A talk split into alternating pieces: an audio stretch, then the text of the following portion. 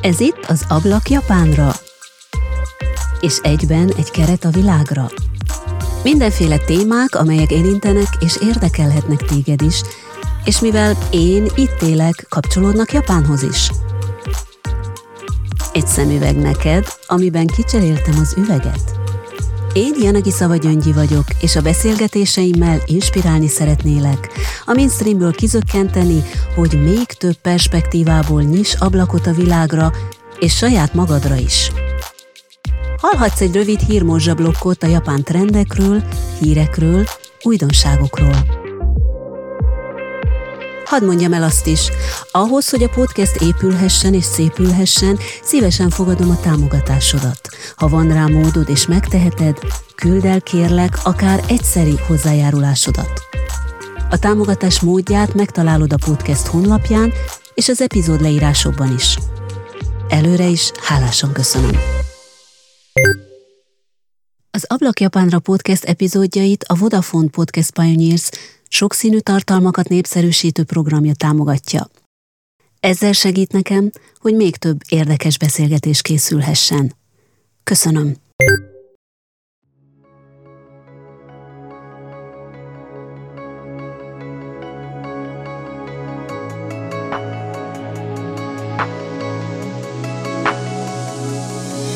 Köszöntelek, kedves hallgatóm! Akár kedveled Japánt, akár nem, akár rajongasz a japán popkultúráért, akár nem, és ha esetleg még azt mondanád, hogy kifejezetten idejesít, nem érdekel igazán, csak épp a téma, na és persze a vendég és a műsorvezető bája szögezett a hangszóró elé, akkor ezt is megértem. A lényeg, hogy itt vagy, és ma egy igencsak érdekfeszítő beszélgetésbe invitállak. Kíváncsi vagyok rá nagyon, hogy te, kedves hallgatóm, hogyan látod a kérdést? Valóban nincs igénye arra a magyarok többségének, hogy Japánt a kliséktől mentesen is szemléje? Csak is a cseresznyefa virág illatú gicseknek ábrázolt késák világa érdekli a nagy közönséget? Te, vajon melyik tábort erősíted? A távoli messzeségből csak is a mázas, szépséges, neked tetsző dolgokat választod ki, majd azonosulsz azzal, vagy pedig akarod, és igenis van rá igényed, hogy megismerd az összefüggéseket, a szürkés tusfoltokkal elkent valóság közelibb jelenségeket. Japán egy csuda ország, de miért is az? Miért nem léphet a helyébe mondjuk egy Kolumbia vagy Marokkó, vagy akár az arab államok? Azok is vannak olyan távoliak, és vannak olyan egzotikusak, mint Japán, nem de? Mi a te válaszod erre, kedves hallgatóm? Írd meg kérlek feltétlen kommentben, vagy a Facebook csoportban, vagy az Instagramon. Kíváncsian várom.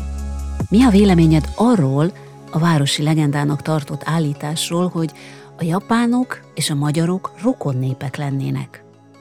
Most talán felborzoltam néhány hallgatóm kedélyét, ha igen, mindenképp mondja el, hogy ő miért és mi alapján hisz a rokonságban.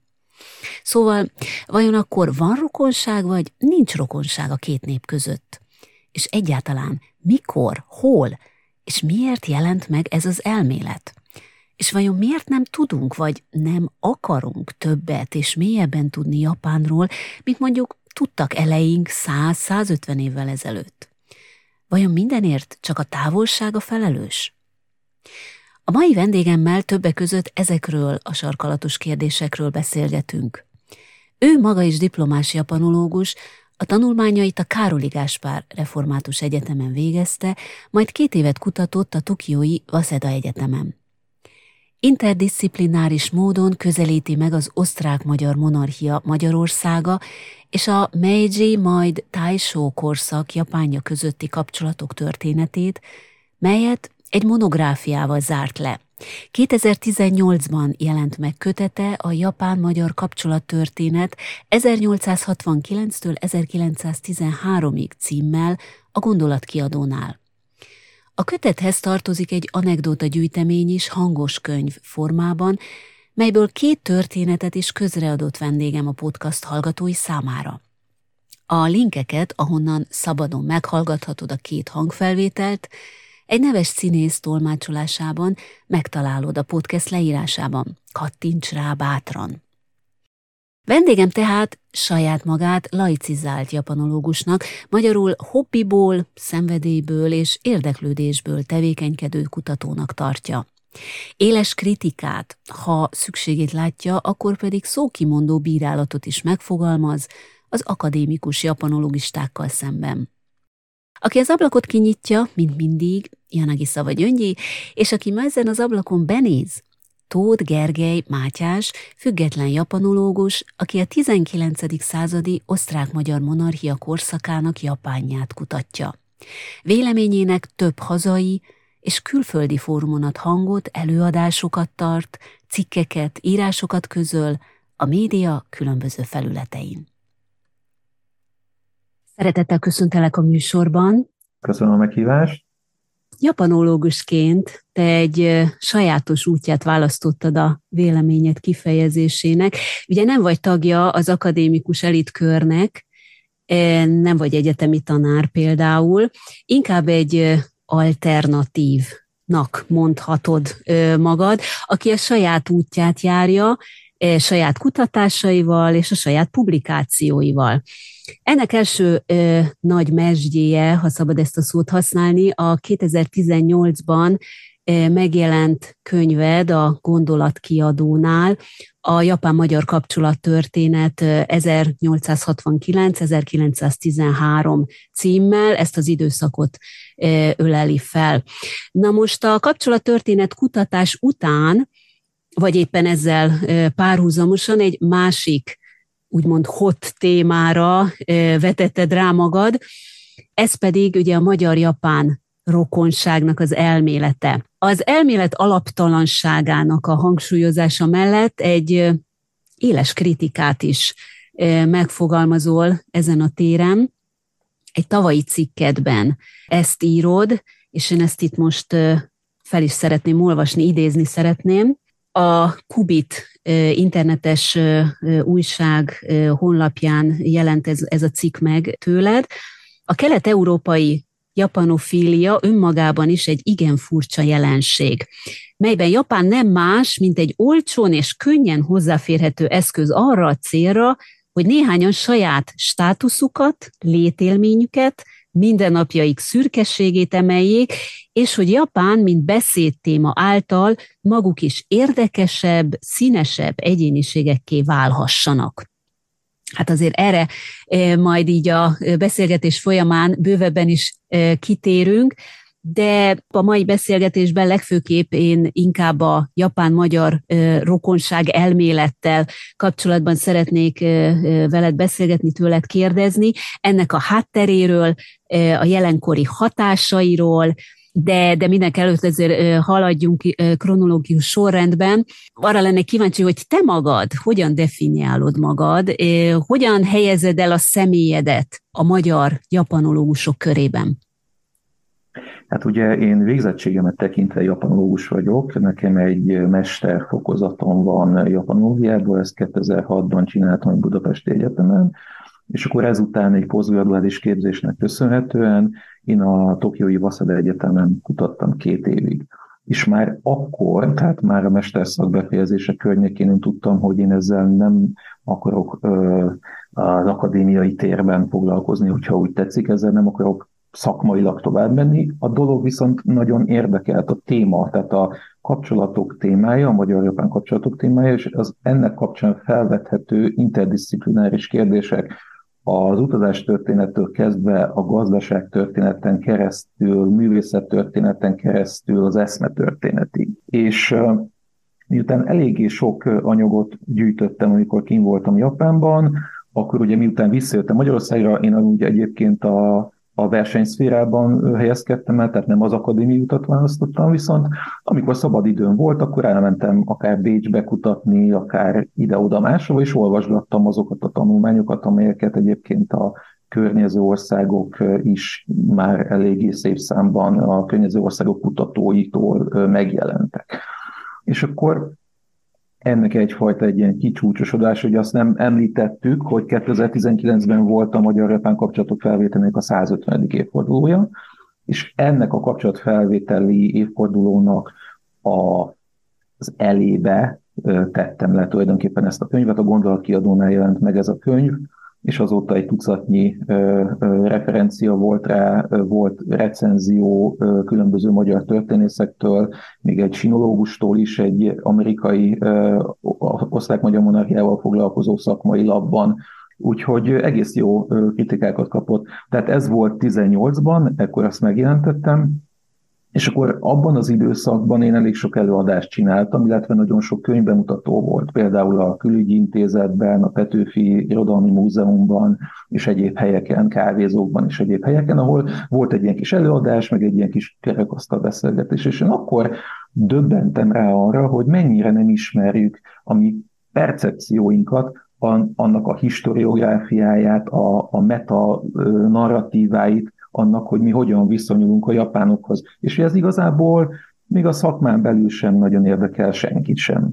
És engem viszont rendkívül érdekelt, és elkezdtem ezzel foglalkozni. És akkor ennek az eredménye a több tucatnyi publikáció, ezek ismeretterjesztő cikkek, akár a magyar hangban, ezek a Kubit, ugye a Kubit, a Kubit.hu a tudományos filiáléja lényegében a 444.hu-nak, ott is megjelentek cikkeim, történelmi blogokon, amelyek most már ilyen történelmi, hivatal, hivatásos történelmi magazinoknak számítanak. Ilyen szakmai blog az az újkor.hu, ahol szintén megjelentek írásaim a, a kapcsolattörténettel kapcsolatban, illetve a BBC magazin, a BBC History magazinnak a magyar kiadásában, amelyet egyébként újra kiadtak a 2023. júniusi számban is fog szerepelni egy cikkem éppen a magyar-japán rokonság elméleteknek a, a pseudotudományos mi voltáról és a, ez, ennek a, az egésznek a megvilágításáról. Én tulajdonképpen ugyanazt csinálom, mint amit, csinál, mint amit csinálnék, hogyha ha, ha akár mondjuk tanítanék egy egyetemen, vagy, vagy ilyesmi, csak ezt egy kicsit szabadabban tudom csinálni, például nincs feltétlenül publikációs nyomás rajtam, de, de megtalálom azokat a szakmai fórumokat, ahol el tudom vinni akár egy diszkuszióra az elméleteimet, és megtalálom ugyanúgy azokat, a, a, a, a, azokat, akik hasonló határterületen kutatnak, mint én. És nem csak itt Magyarországon, hanem én például voltak előadásaim az Oxfordi Egyetem, a Nissan Institute nevű intézményben, akkor volt a Bécsi Egyetemen, volt egy előadásom, volt a Tokiói Egyetem historiográfiai tanszékén egy előadásom, mert ez egy alapvetően alul kutatott téma, tehát az osztrák-magyar monarchia és japán kapcsolat történetének az osztrák oldala az egész szépen fel van dolgozva, művészettörténeti, diplomácia történeti területet illetően is, míg a magyar az ugye nem nagyon volt eddig. Hogyan találtál rá erre a témára? Vagy mi volt az a kiinduló pont, ami elindított téged ezen az úton, hogy te a kapcsolat történettel foglalkozz? Hát ezt egy ilyen kapudrog jelenséggel tudom leírni. Kérlek szépen én, amikor a egyetemista voltam, akkor valahogy a kezembe jutottak a 19. századi, 20. század elejé, 19. század végi útleírások, magyar nyelvű útleírások Japánról és hát azok, azok valami fantasztikusak. Tehát olyan humor van bennük, a nyelvvel való olyan finom játék, amelyet nem is nagyon ismerünk ma már. Persze, azért az is hozzá tehető ehhez, hogy nem túl PC volt mondjuk az akkori humor. Például ezt ma már senki nem értené, hogy például volt egy ilyen, egy félmondat, hogy a az a helyzet, hogy a 19. század végén a japánok elkezdtek bajusz növeszteni, az európai bajusz növesztési szokásokat, mint egy utánzandó, ami a japánoknál egy különleges dolog, mert azért a japánok nehezen tehát az arcszőrzetük nem feltétlenül minden esetben sűrű, és nagyon nehéz nekik egyébként. A propeller bajusz az úgy néz ki, mint egy lényegében egy propeller, hosszú egyenes, ilyen bajusz vakszal kiegyenesített bajuszt jelent. No, és akkor ugye jöttek a századfordulón japánok Magyarországra. És akkor az illető, aki írt róluk, ez azt írta, hogy például, hogy a japánok bajszánál, bajszának hosszánál már csak perpendikuláris méreteinek rövidsége legfeltűnőbb. Hát ezt ma már nem a perpendikuláris ugye a test magasságot, a vertikális magasságot jelenti, tehát ezt ma egyrészt nem is értenénk, ugye, ezt a szót, és ez ma már ugye nem egy PC dolog, tehát ma már nem lehet. Ma a japánok többsége eleve a, a bajusz és a szakáll azt ugye elveti. Tehát... És nem is nagyon van bajszuk. És ami, ami az interdisziplinaritás felé vitt, tehát az, hogy ne csak azt nézem, hogy mit 1893. május 12-én délután 4 órakor milyen diplomáciai történet jelentőségű dolog történt, hanem hogy egy holisztikus szemlélettel megnézem, hogy aha, és akkor ekkor mi volt a gazdaság története, mi volt a művészet története, ezek hogyan hatottak egymásra, ez akkor egyébként, amikor én még az egyetemet végeztem, akkor, tehát nem volt egy ilyen nagyon felkapott dolog. Ma már az. Ezért is gondoltam azt, hogy én nem nagyon fogok, fogom tudni magamat beleönteni az akadémiai formákba, mert hogy nem fogom tudni csinálni azt, amit én akarok, mert azt fogják mondani, hogy törd magad egyértelművé, foglalkozzál csak ezzel, és csak ezzel. Miközben az, hogy van itt valami, amivel az ember foglalkozik, arra száz más dolog hat, és engem az a száz is érdekel, sőt a száz egyedik is érdekel. Szóval ez, ami behúzott a, a, az utazás történet, a magyar nyelven nagyon finoman, szépen bánó és játszó művek, és ezek, ezek nagyon megfogtak, és a, azok a kérdések, amelyek egyébként a, ezen művek olvasása közben vagy után fölmerültek, hozták el azt, hogy tulajdonképpen én azt mondtam, hogy, vagy azt gondoltam, hogy én ezzel nem, ezzel, ezt nem akarom, hogy ezt lezárni, hogy abba hagyni, én ezzel foglalkozni akarok, mert engem ez baromira érdekel. Uh-huh. Tehát akkor ö, egészében ö, szeretted, vagy hát most a jelen pillanatban is szeretnéd a kort, a, a jelenségeket, a különböző áramlatokat, mindent ö, ugye feldolgozni, megnézni, utána járni, és akkor most így adódik egy picit a kérdés is, hogy ezt is valahol írtad, hogy miért nem tudunk most sem többet vajon Japánról, mint száz évvel ezelőtt? Hát, hogyha most már ennyi minden van, ezt te hogy látod? Erre akkor döbbentem rá, amikor voltak ezek az előadásaim és a könyvbemutatók, és beszélgettem emberekkel, nincs igény rá.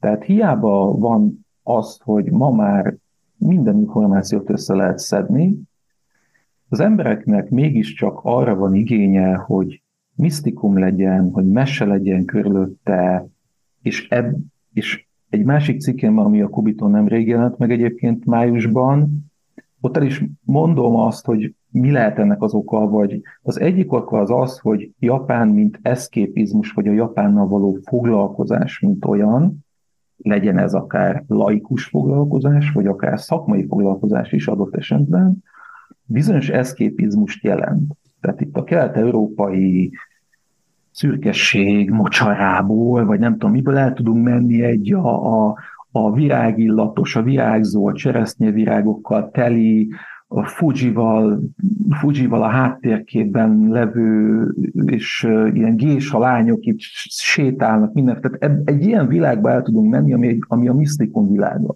És, és nem kell foglalkozni a, azzal a kelet-európai szürkeséggel és mocsárral, amiben vagyunk. Jó, de hogyha ezt mondod, akkor van más is. Ott van egy Kolumbia, vagy ott van most egy Szaudarábia, ami, ami érdekes, ugyanezt adná a magyar nagy közönségnek. Nem, nem, nem. Pontosan, hogy ezek nem adják ugyanazt. Ezek nem adják ugyanazt. A különbség az, hogy Japán ázsiója az egész világban, és ez egy 2022-es felmérés, a japán brand, mint olyan, az nem ugyanaz, mint a Kolumbia brand, vagy a Kenya brand, a japán brand, az folyamatosan a top 3-ban van. Idén volt a, az első olyan év, amikor a, a második lett. Persze, mert maga Japán is dolgozik ezen, hogy ez legyen. Hogy ők a cool Japán, szélesebb körben ismertessék meg ugye saját magukat, és hogy egy kicsit a külföldet közelebb hozzák magukhoz, mert ők is ugye tisztában vannak azzal, hogy a külföld állandóan arról beszélt, hogy hát ők egy zárt ország, és, nem, és egy furcsa, és nem lehet megérteni, és a többi, és a többi.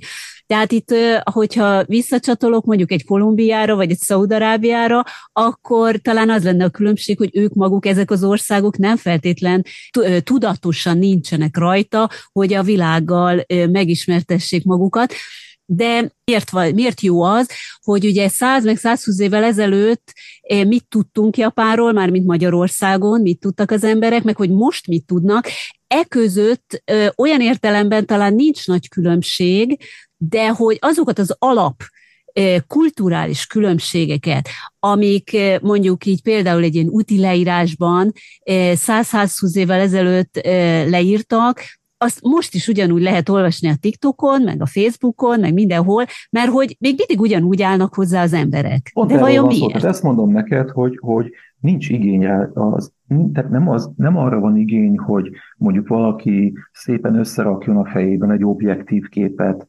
Most tök mindegy. Most, most Japán itt egy példa, tehát egy objektív képet lényegében más kultúrák, egy adott másik kultúráról, most itt ugye az is bejátszik, hogy egyrészt ugye Japán erősen nyomatja a soft power kampányokat, de ez egy dolog. A másik dolog az, hogy 100-150 évvel ezelőtt Japán sokkal eleve pozitívabb színben tűnt fel a nyugat vagy Európa számára, annyiban, hogy ők ugye kezdték befogadni a, a, és megtanulni, úgymond a, próbálták a saját képüket természetesen változtatva ezeket a dolgokat, de a nyugat számára ez úgy tűnt, hogy a japánok a nyugattal kapcsolatban befogadóbbak, mint például a kínaiak, vagy akár az arab térségben bárki. Tehát ez egy nagyon fontos különbség. És az is nagyon érdekes dolog, ami itt különösen Kelet-Európában és különösen Magyarországon hat ezekre a folyamatokra az az, az, a, az, az identitásválság. Minél inkább erősebb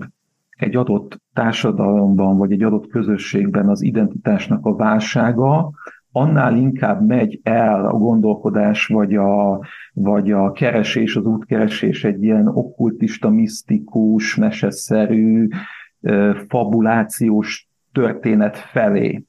Tehát az identitásválságot a magyar identitásválságra érted? Így, így van, de akár, nem, akár a kelet-európai identitás, mint összidentitás is vizsgálható ilyen szempontból, de ezt nem néztem annyira meg. Én azt gondolom, hogy a magyar a jelen magyar identitásválsága is például segíti azt, hogy, hogy, hogy a Japánnal való foglalkozás nem egy objektív keretbe helyeződik, hanem egy ilyen misztifikációs, egy ilyen meseszerű, egy ilyen másvilágos történeti keretbe és narrációs keretbe.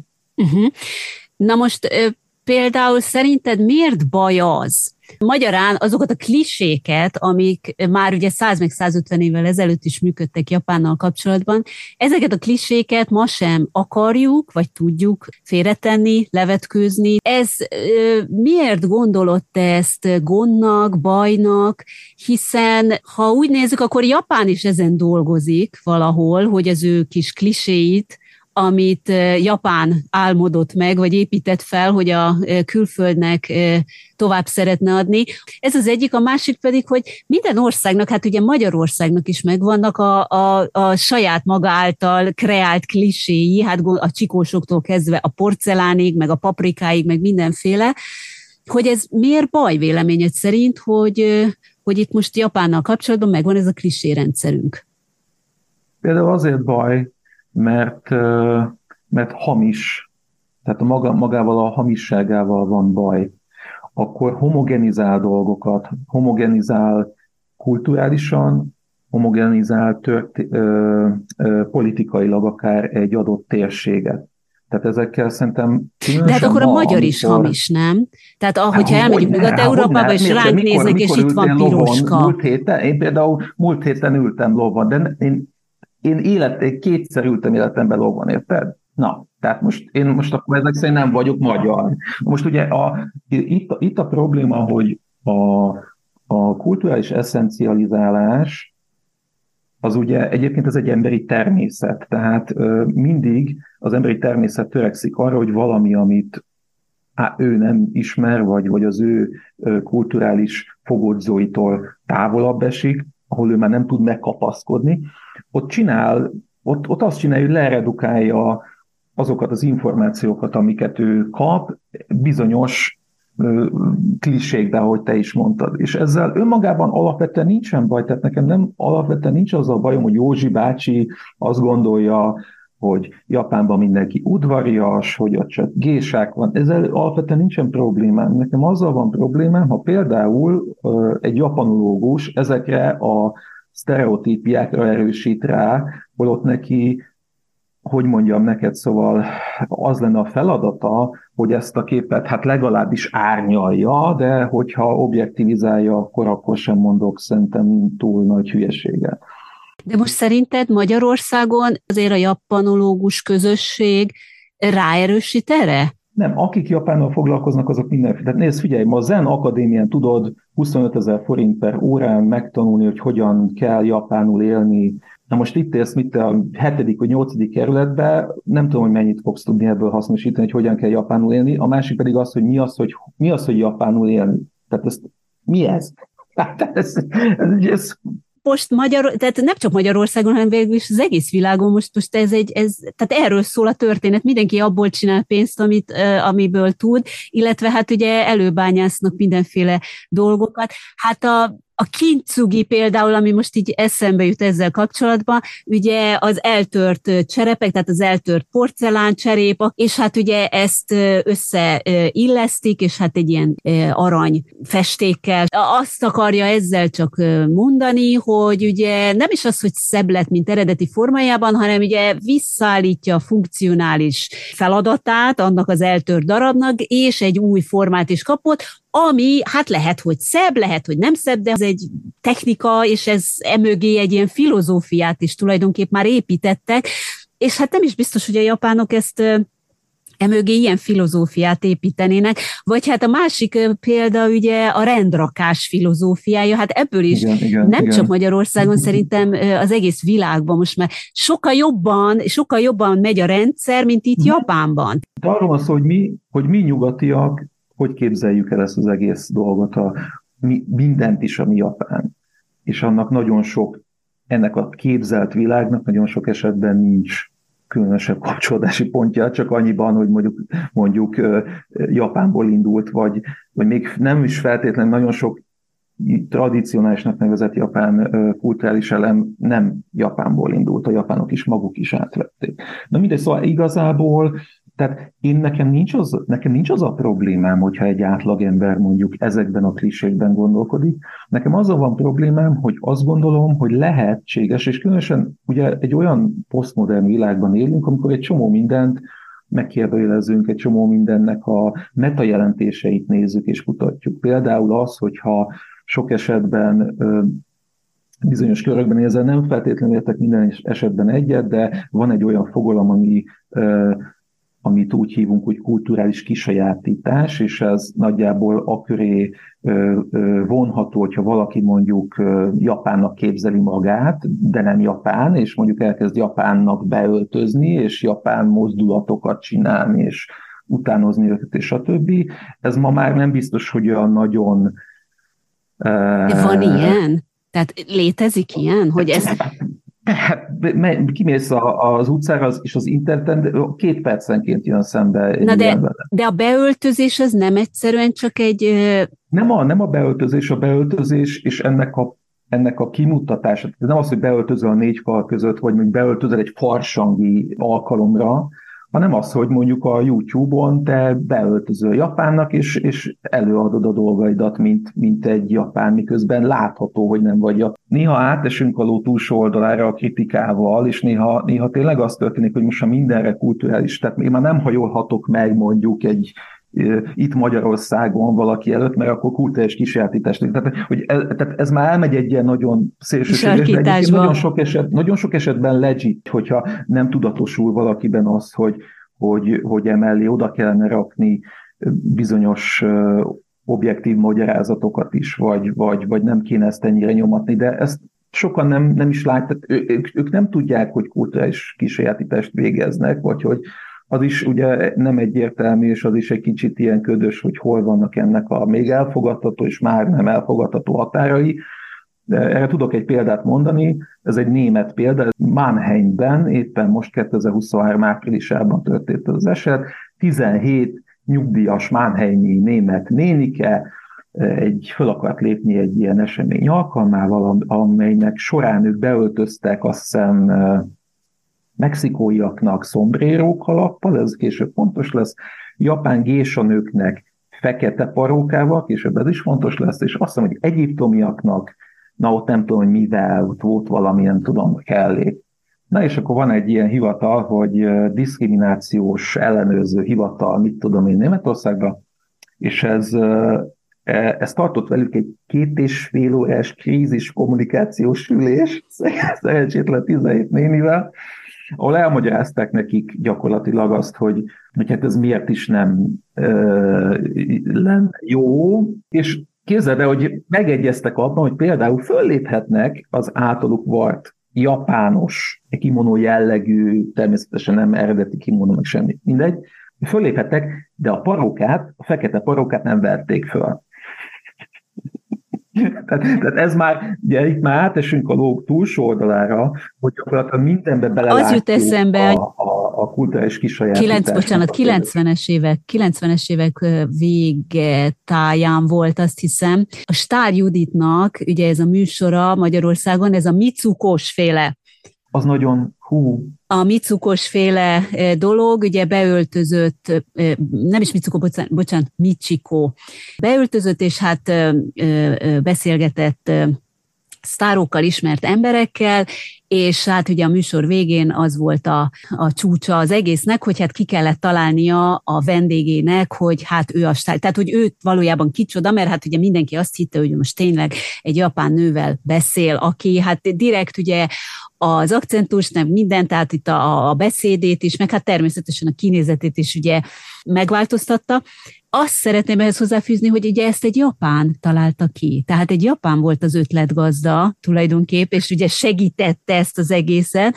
És hát ilyen jellegű műsorok is Japánban rengeteg van. És hát végül is vége lett hát ennek a műsornak, mert hogy egyfelől, hogy hát Michiko, és hát ugye a csász, akkori még császárnőről, eh, hát ne ez a név legyen. A másik pedig, hogy pontosan azokat a, eh, megint erre a klisére eh, utalok, azokat a tulajdonságokat hangsúlyozta ki, parodizált találta ki, ugye Stályudit, ami a japánoknak hát nem igazán tetszett. Tehát valahol azért érdekes, mert mint ahogy az előbb is mondtam, hogy itt Japánban meg rengeteg ilyen van, tehát hogy ugyanúgy ezt ők is csinálják a külfölddel kapcsolatban hogy ebből most miért kellett ügyet csinálni. Tehát ez, ez megint nekem úgy akkor is úgy furcsa volt, és hogy ezt úgy túl lihegték, meg túl beszélték, mm, nem tudom.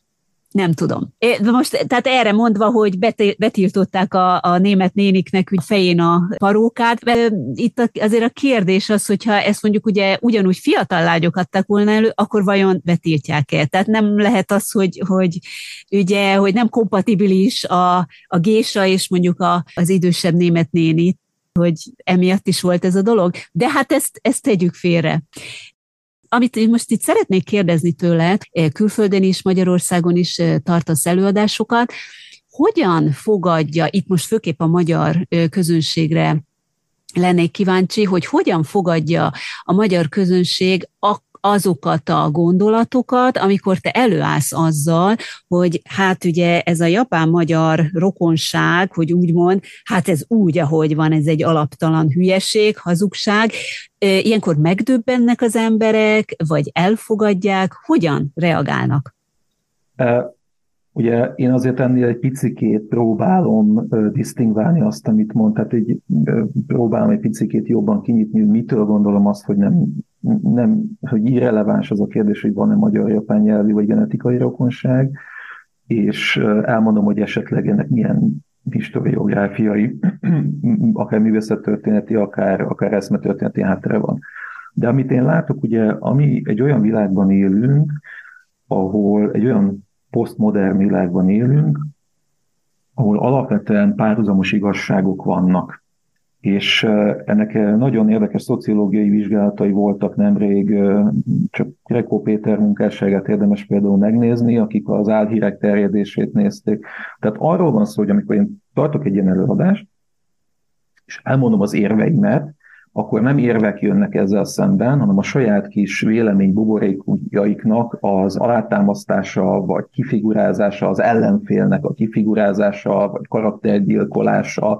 Tehát nem az megy, hogy elkezd amit én várnék, tehát ez egy dőre gondolat, hogy én azt gondolom, hogy erről elindul majd egy diskurzus, nem, mert nem indul a diskurzus, hanem mindenki a saját kis buborékjában feszeng, és, és lenézi a másikat, vagy tehát nem az, hogy elkezdenénk gondolkodni erről, hogy nekünk miért van erre egyáltalán szükségünk, Nem. Tehát alap, és megint azt mondom, ami kicsit visszatérvén arra, hogy ugye arról beszéltünk, hogy miért nem nagyon van igénye az embereknek arra, hogy megismerjék, vagy objektív módon is megismerjék, vagy összetettebb képet alakítsanak ki magukból Japánról, az pont az, hogy alapvetően benne vannak egy véleménybuborékban, követnek egy vagy x véleményvezért, és gyakorlatilag nem gondolkodnak. És, a, és nem az, hogyha valaki behoz egy friss gondolatot ebbe a buborékba, akkor nem az, hogy ráugra, ráugranak ezren, és elkezdik szétszedni és szétmarcangolni, hogy nem oda tett, akkor jönnek a nyelvtanácik, hogy nem jó van leírva, akkor jönnek a, a izék, hogy te soros ügynök vagy, akkor jönnek a, jönnek a, tehát a nemzeti, nemzetiek meg a globalistáknak egy ilyen végtelen harccal kezdődik. Hát úgy érzed akkor, hogy nincs egy olyan ezen. jellegű párbeszéd, vagy nincs egy olyan jellegű érv, eszmecsere, amiből ugye ki lehetne indulni, te akkor az előadáson úgymond elmondod a te véleményedet, a te álláspontodat, és ami erre visszajön, az vagy egyáltalán nem is reakció a kérdésre mondjuk, uh-huh. hanem mhm. egyszerűen csak egy, egy hozzáfűzés, hogy mert én ezt így gondolom, pont, de hogy az miért van úgy, vagy milyen alappal, azt végül is akkor nem igazán fejtik ki az emberek. De akkor Ugye itt az, hogy hát véleményformálás, meg az, hogy lenne a cél, feltételezem én ugye az előadásaiddal, meg az, hogy ismereteket szeretnél átadni ugye a hallgatóságnak, amelyel nem biztos, hogy találkoznak a mainstreamben, hogy így mondjuk. Igen, igen. és hát erre nem, ezt, nem, az, nem az a válasz, hogy nem úgy jön le. Na de emögött azért az is ott lehet, hogy egyáltalán a politikai életben is, hát a politikusok is többször utalnak erre, a bizonyos rokonságra, ahogy ugye a magyar-japán kapcsolatok, valamiféle megnyitón, vagy valamiféle gyáravatón, vagy bármi. Egy-kettőt így kiírtam én is, amiket említettél, például, hogy mi büszkék vagyunk, hogy Ázsiából jöttünk. Kisgyermekeink fenekén 100-ból 30 esetben 6 hétig kis piros pont van, mint a japán kisgyermekek fenekén. Ezt 2012-ben ma Matolcsi György mondta. Hát ezt ugye azzal, egyfelől azzal is ki lehetne egészíteni, hogy nem piros pont, hanem ugye egy ilyen kékes foltocska, de azért én nem akarok most Matolcsi György védelmébe kelni, de hát valószínűleg ezt Matolcsi György nem maga írja. Ugye ő akkor kezébe kapott egy ilyen szöveget, és hát ő ezt így kinyilatkoztatta, hogy így mondjam, de akkor, amikor ugye az emberek többsége ezt hallja, hát nyilván ez van a köztudatban. És akkor elhiszik, vagy azt gondolják, hogy ja, hát akkor most mi tényleg rokonságban vagyunk. Hogy hát mennyire lehet azért akkor így a nagy közönségnek ezt felróni? Hát akkor most, most akkor ugye hol van az igazság? Itt egy kicsit annyival árnyalni kell a képet, hogy a, a keletről jövetelünk, ez egy kulturális valóság, és viszont ezt nagyon gyakran az a baj, hogy ugye vannak olyan tudósok, akik magukat tudósoknak nevezik, akik, akik bizonyos állami pénzekből próbálják azt bebizonyítani, hogy ez és ez. Én nagyon figyelem egyébként, van egy ilyen intézet, rengeteg ilyen think, tank van, meg ilyen történelmi think tank, meg mit tudom én, micsoda, kutatóintézet, ők explicite még azért nem tartanak ott. Tehát azért lehet, hogy azért, meg ott, mint hogyha lenne valami konszolidáció mostanság, mert most nem tudom, lecseréltek valakit, mit tudom én, de hogy, hogy én, én szó, jól szórakozom ezeken, amúgy isteni. Tehát például nem említetted meg a kedvencemet, ami néhai Gespik László írása, aki egyébként egy táltos tanártól hallhatta ezt az elméletet, és ez egy nagyon logikus vonalvezetés, tehát az, ezt, ezt imádom, tehát ezt mindenhol el szoktam mondani. Tehát a, azt mondja, hogy a Siriusról, vagy a földre eső fény csavarodási számával, ami 9, ezt ők így kiszámolták, megegyezik a magyar és a japán gének csavarodási száma. Uh-huh. Uh-huh. Ez, ez, ez, ez annyira szép, tehát ez zseniális. Jó, de másik, ennek tudományos alapja, tehát ők ezt... Hát nulla, hát nulla alatt van, nulla alatt, de hogy tudnák megmagyarázni, semmivel nem tudnak Van még egy, ő egy sinológus, volt televíziós, Kínában is volt diplomata. Nagyon érdekes, hogy diplomaták egyébként nagyon szeretik ezeket a neotudanista hülyeségeket. Japánban is jelen pillanatban, ezt nyomatják különböző tévéműsorokban, meg egyebekben, mindegy. Tehát az ő, ő azt mondta, és ez is nagyon szép, Jesztergom előadásában, nyugdíjas évei után ilyen előadásokat tart mindenfelé, 14-ben azt mondta, hogy Mózesnek két fia volt, az egyik Japán, a másik, na vajon? Vajon magyar, melyik? Hát, vajon melyik? Vajon, vajon, vajon milyen melyik? nemzetiségű? Igen. A, az egy, szerintem azért az egy tény, hogy ugye a magyarok is keletről jöttek, tehát Ázsiából származunk. Ezt az eddigi e, tudásunk alapján azért megerősíthetjük, tudjuk. A diplomaták ugye ezt prób- véleményem szerint azt próbálják csak kihangsúlyozni ezzel az áll magyar-japán rokonsággal, ha ezt, mert ez nem bizonyított egyáltalán, csak annyit akarnak hangsúlyozni, hogy hát mindkét nép ázsiai eredetű, hogy a japán is, és a magyar is. Ez nyilván egy olyan körben, egy olyan helyzetben, amikor például egy japán befektető Európában keres egy helyet, és közel hasonló pont nulla jelentőségű van. Ez grammatikus De, de, de, de, de ezt most uh, hadd fejezzem be, ezt csak azért szeretném mondani, hogy uh, a közel, tehát az, hogy most Csehország, Szlovákia, Magyarország közel hasonló kondíciókkal, és ezt egyébként Suzuki Osamu mondta még 2018-ban, amikor ugye megyesi látogatás eljött ide meghívására, pontosan ugye a Suzuki gyár, magyarországi Suzuki gyárnak a megalapítása alkalmából. Tehát Suzuki Osamu, a, a vállalatvezető mondta azt, hogy egy japánnak a döntés, hogy most ő hol alapít egy gyárat, kétharmad a racionális döntés, és egyharmad az emocionális. Na most ez az egyharmad az emocionális, Véleményem szerint ezt próbálják a diplomaták is, és a politikusok is valahogy ráhatással kihasználni, hogy akkor, amikor ugyanolyan feltételekkel máshol is lehetne gyárat alapítani, ne Csehországba menjen, hanem jöjjön Magyarországra, mert, és akkor oda teszi ezt a bizonyos, hát ugye mind a két nép e, e, Ázsiából származik. Tehát a cseheknél nincs egy ilyen adó, nekik mást kell kitalálni. Tehát minden minden, minden országnak valamit ki kell találni, hogy hogyan vonza be. Az tény és való, hogy erre nem fognak a japánok, a japán vezetők, egy befektető nem erre fog appellálni. Tehát hiába mondják neki azt, hogy persze, mert a magyarok és a többi, nyilván nem. Tehát annak a kétharmados, ahogy ezt Suzuki Osamu is mondta, a kétharmados racionális és a tényleges befektetési alapnak meg kell lenni, akkor lehet, hogy ez az egyharmad, ez bejön. Tehát ezt én csak azért szerettem volna zárójában megjegyezni, hogy nem biztos, hogy azért itt a diplomaták, meg a politikusok egyfelől az, hogy ez egy ennyire tudatos lenne, hogy ők úgymond hazugságot propagálnak. A másik meg, hogy mondom, ez a ez egy ilyen kisebb kis, kis ráhatás, kis ráhatás, nem? Nem gondolod, hogy ez lehet a háttérben? Egyáltalán nem. Én azt gondolom, hogy ez egy hihetetlen nagy önbecsapás. Ráadásul, hogyha megnézzük ez egy nagyon szép, nagyon szép és nagyon jól hangzik, fő, főleg akkor, hogyha ezeket visszahalljuk japánok szájából, akik próbálnak udvariasan kommunikálni egy ilyen eseményen. Az csodás, az csodás önbecsapás.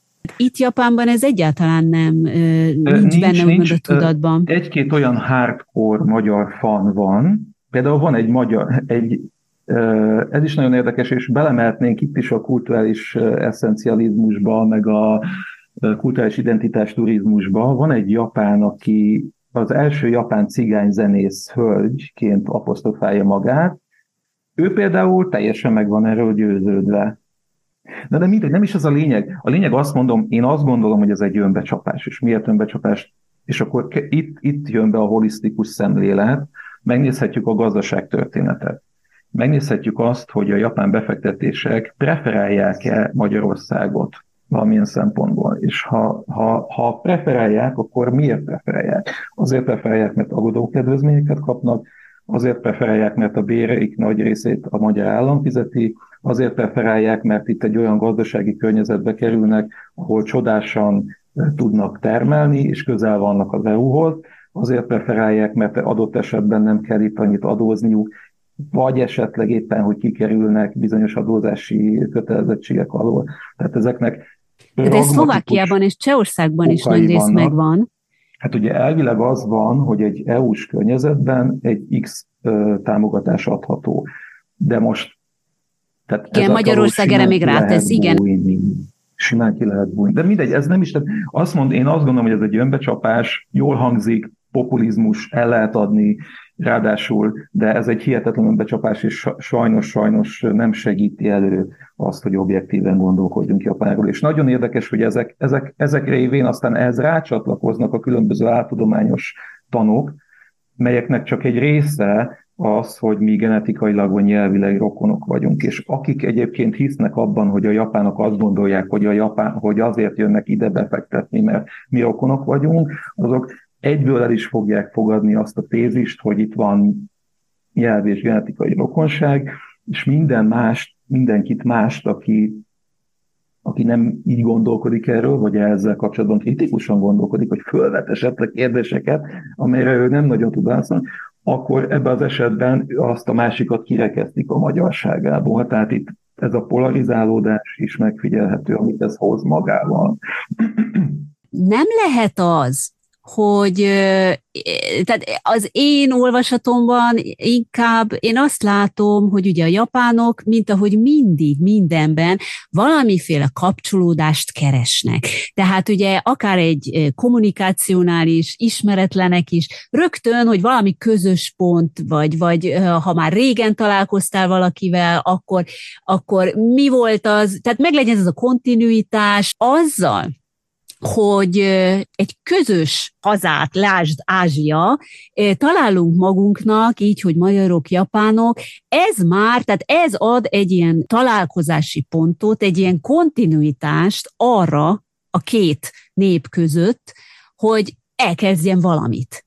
Tehát én szerintem itt tudja mindenki, legalábbis az emberek nagy része, hogy hát itt nincs szó konkrét rokonságról, hanem egyszerűen csak egy ilyen háttér van, amit, amit, hogy úgy mondjam, egy ilyen lip service-nek is lehetne mondani, ugye ezt szeretik japánok is mondani, hogy egy ilyen lip service tehát egy lip service, hogy egyszerűen ezt csak úgy mondani kell, mert ez ott van a, hát, tehát ott van a háttérben, ezt mindenki tudja, hogy hazugság, vagy nem igaz, de hát ezt mondani kell, mert ez jól hangzik, és hát mégis kitöltjük vele az űrt. Nem lehet, hogy csak erről van szó? Természetesen nagyon jól hangzik az, amikor pesgőkocintás történik a X diplomáciai küldöttség között, és ez elhangzik, akkor mindenki nagyon örül, meg ezt meg lehet osztani különböző Facebook posztokban, és akkor erre rá fognak repülni ugye az emberek. Akkor viszont segítségül hívhatjuk egy picit a historiográfiát ebben az esetben. Ugye, mert ez az elmélet, ez a rokonság elmélet, ez Japánban is megjelent a 19. század végén. És nagyon érdekes, hogy miért jelent meg például. Az egyik az az, az egyik megoldására az az, hogy a japánok ugye Ázsiában akartak egy ilyen vezető szerepet elképzelni maguknak. És azt gyakorlatilag Ázsia britjei akartak lenni. Most ez az antonomázia, ez egyébként egy brit eredetű, de mindegy, mindegy nem menjünk bele. A lényeg az, hogy, hogy nekik azok az, nem csak a magyarokkal kapcsolatban voltak ilyen elméleteik, egyéb ők, őket meg gyakorlatilag az akkori gondolkodók régi, az antik görögséggel hozták, de minden, mert minden, minden népben. És mindez milyen célt szolgált, és megint csak lássuk ezt, tehát az objektív, meg a kicsit a dolgok metajelentései és narratíváknak a metajelentései mögé, hogyha nézünk, ez azt a cél szolgálta, hogy a japánokat abból az ázsiai, tehát hogy elszakadjanak Ázsiától, ebből az ázsiaiasságból egyenlő, ugye az akkoriban az azt jelentett, hogy elmaradott, hogy de, de, de, de nem, nem modern, stb. stb. Ebből őket ideológiailag fölemelje és kiemelje a vágyott globális centrumhoz, vagy nyugathoz, vagy Európához, vagy Amerikához, most tök mindegy.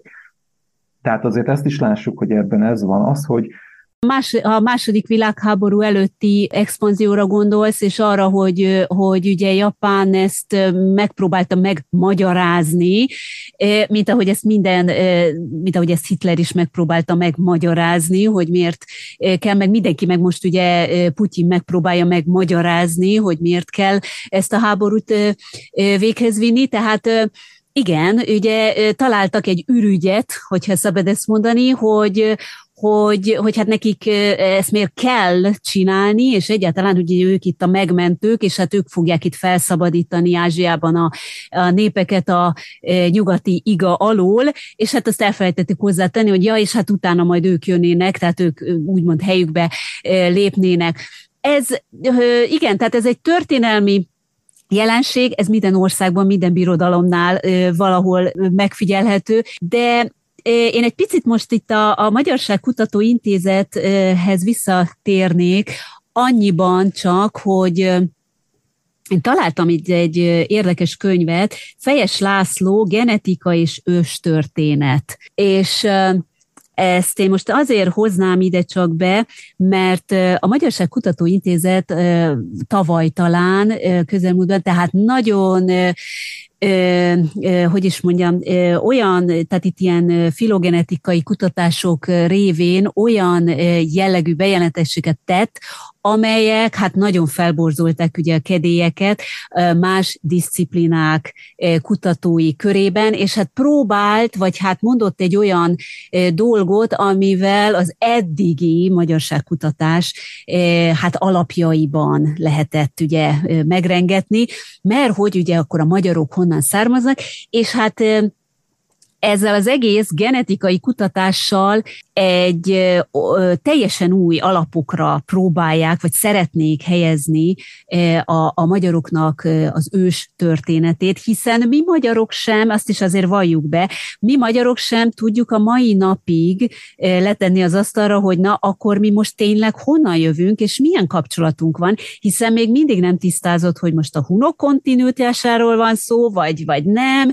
meg ilyen-olyan keveredés, hogy most a nyelvünk és a nemzet életünk, az, az mennyiben azonos nyelvcsere történt-e sem, de amiért én ezt a, ezt a könyvet ajánlanám, jól jöhet, az az, hogy tesznek itt egy olyan kijelentést, hogy milyen régészeti és történeti folyamatok jelezhetik, hogy két eurázsiai ellentéte, Eurázsia ellentétes végén élő népesség, és itt két népességet hoz, az egyik a csukcs, kamcsatkai nyelvet beszélő csukcsok, tehát úgy az alvégen nagyon messze, és a finn e, finnek apai vonalaikon körülbelül 60 a egyetlen, mint egy 5-6 ezer éve élt ősapától származik.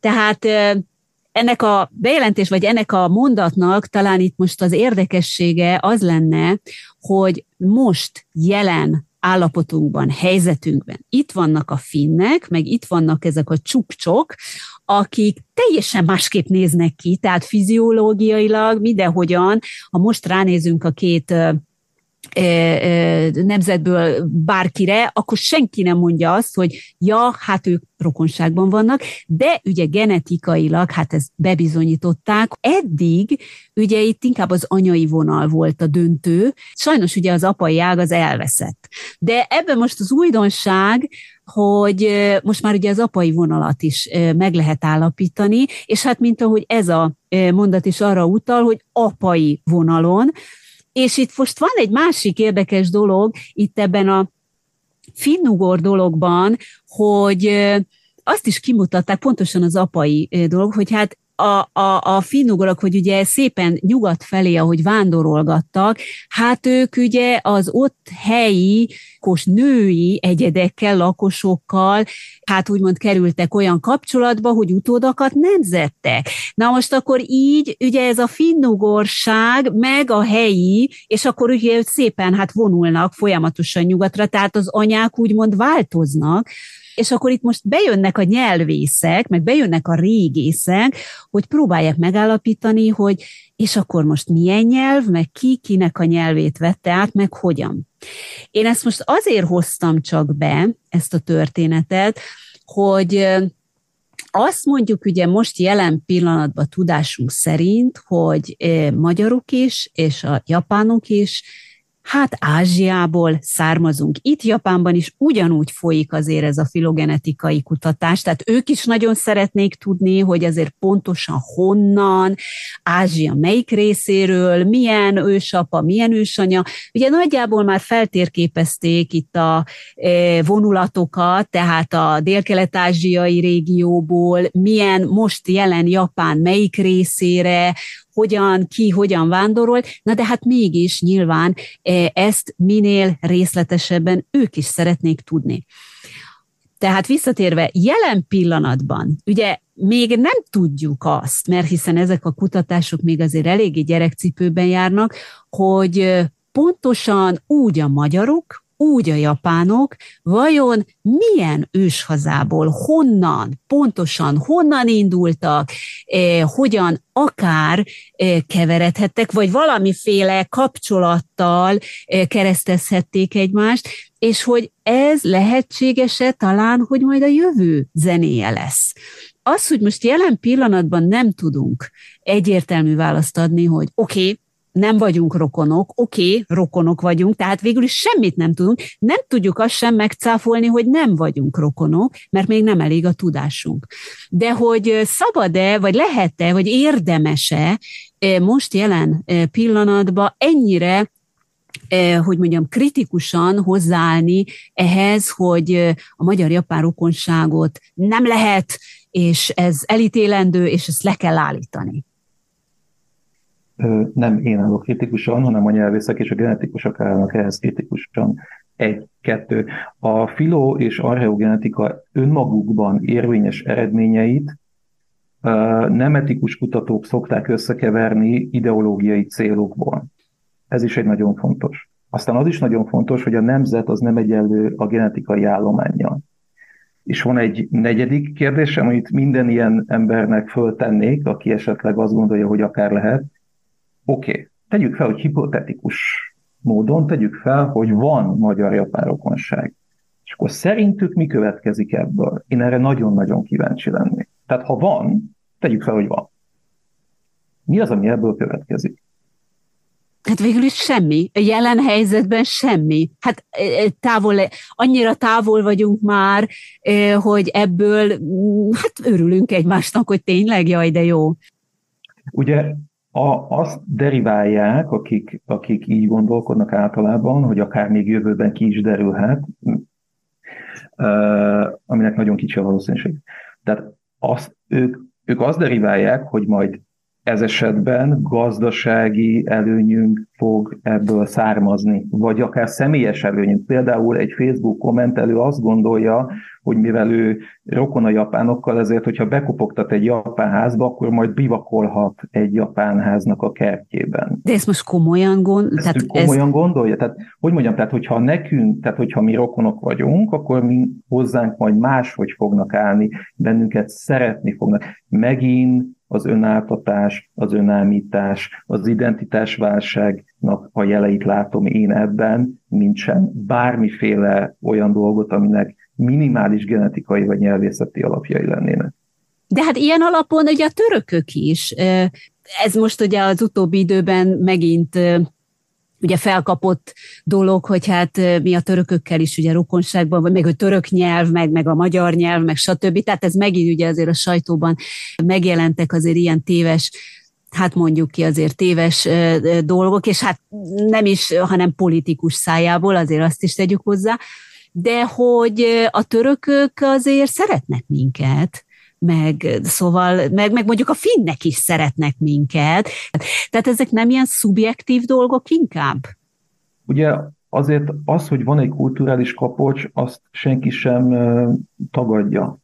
De ez egy irodalmi, egy, egy his, tehát egy, egy, a históriákban, a régi históriás könyvekben ez megvan, ez egy inkább történeti szempontból érdekes dolog ez nem egy genetikai vagy, vagy nyelvi kérdés, ez egy kulturális uh, uh, hagyománykérdés. Tehát a, a, a törökökkel kapcsolatban nem nagyon tudok beszélni, mert nem értek a török-magyar viszonyhoz, de azért ott sokkal validabb, hiszen vannak török szavaink, amelyeket ugye, amit, amit használunk. De mindegy, hát igen, meg ugye a török az, megszállás. Hogy, hogy Tehát az sokkal valitabb.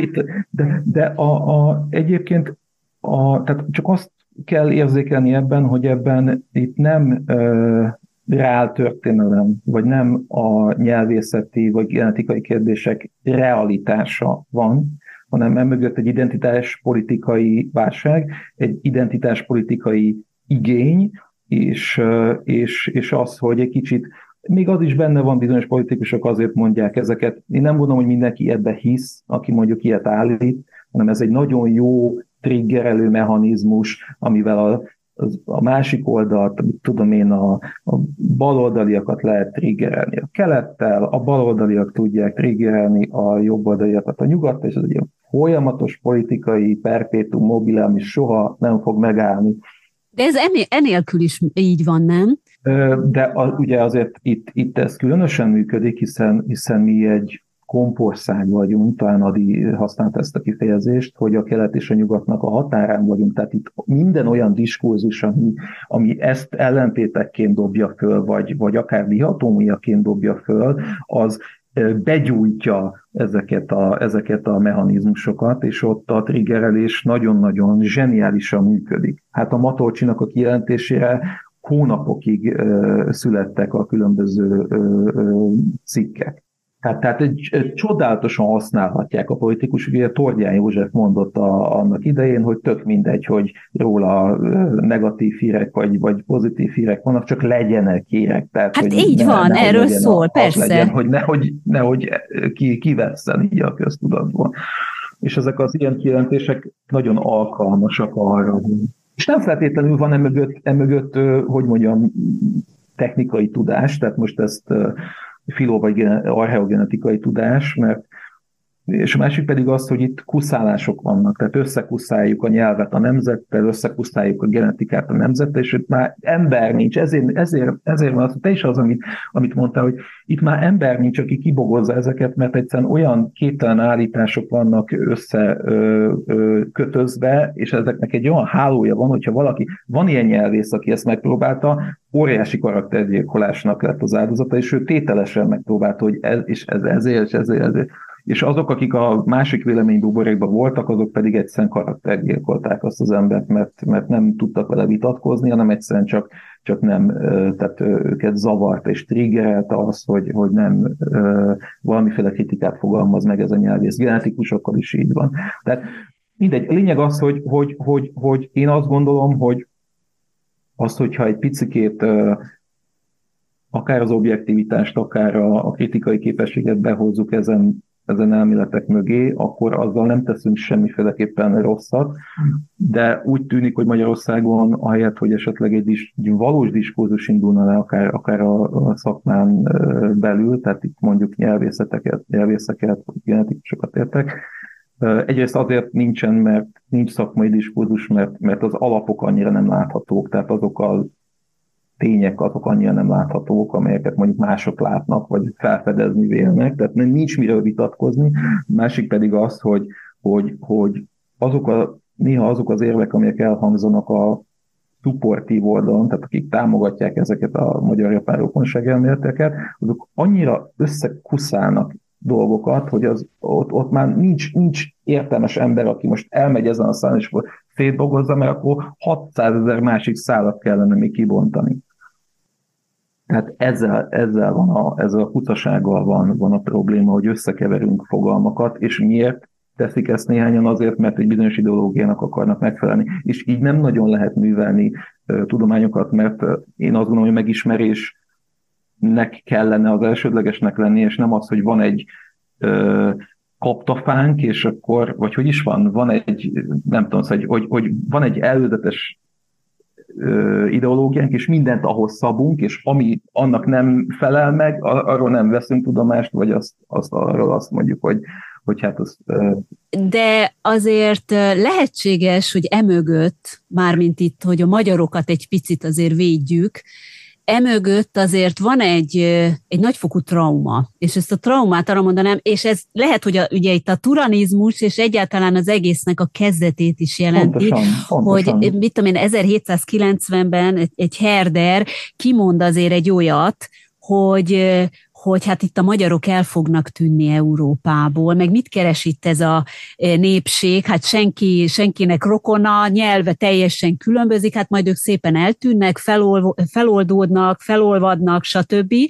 Tehát azért akkor 18. században a magyar nemesség, hát felkapják a fejüket, és hát Például ugye itt a Verbőcinél jelenik meg ez a, ez a szitja hún, tehát ugye a nemesek, a, a szitja hún tudata, és elkezdi, tehát megjelenik ugye a magyarságban is egyfelől az, hogy keressük már meg az őseinket, és keressünk rokonokat magunknak. És hát akkor ugye Európában elindulnak a nemzetállamok kialakulása, és amit ugye mondtál az imént, hogy az, hogy most egy nemzet, meg ugye a nyelve, az, az nem feltétlen ugyanaz, és megegyezik, tehát ebben az időszakban kerülnek előtérbe ezek a pán elméletek, tehát mindenki keresi a párját, ugye pán szlávok, a pán germán, meg a pán mindenki, és hát akkor itt ez a turanizmus megjelenik, mint pán magyarság, tehát elkezdjünk el vissza, ilyen szempontból visszamenni Ázsiába, és kezdjünk barátokra, vagy kezdjünk rokonokra lelni, hogy ne mondhassa egy ilyen herder, hogy ja, hát akkor, akkor mi itt el fogunk tűnni. De én azért úgy látom, hogy ennek a magyar-japán rokonságnak a gyökerei ebben a, a turanizmusban kapnak azért egy, egy nagyon éles és és egy nagyon fontos szerepet, de akkor is ez csak az 1930-as évek, és ahogy én véltem, egyébként Ablonci Balázsnak ugye van ez a Keletre Magyar című műve, ami, ami nagyon, én úgy gondolom, hogy, hogy nagyon jól összefoglalja így itt a turanizmust, és azért is jó szerintem ez a kötet, és ajánlom mindenkinek, mert hogy nem feltétlenül, tehát ő nem jót meg rosszat, nem kritizálni, és nem mellé állni akar dolgoknak, hanem egyszerűen csak azt próbálja bemutatni, hogy a turanizmus milyen hatással volt a magyar művészetekre, a politikai gondolkodásra, a társadalmi gondolkodásra, és egyáltalán a magyar fejlődésre. Tehát itt a hatást akarja bemutatni, és én úgy gondolom, hogy amiről ugye most beszélünk, hogy jelen pillanatban a 21. században is még ez a magyar-japán barátosság jelen van, ez valahol ennek, ennek a gyökere és ennek a folyamatossága, nem? Nem erről van szó?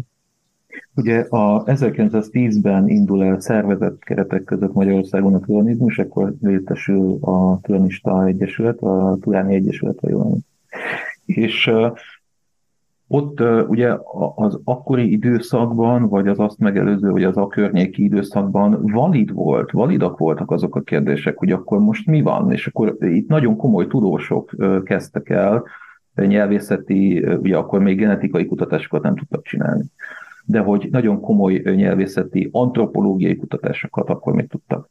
És akkor valid volt, csak ezeket az elméleteket, elméleteket a tudomány elég hamar kiszelektálta. Ezek a tudomány által kiszelektált elméletek lesüllyedtek az alternatív világba, és különösen az 1800, 1989-es rendszerváltás után, amikor ezek, ugye ezekkel nem lehetett foglalkozni nyíltan, ilyen szamizdatban, meg ilyesmiben, akkor utána iszonyatos erővel ö, robbantak ezek föl.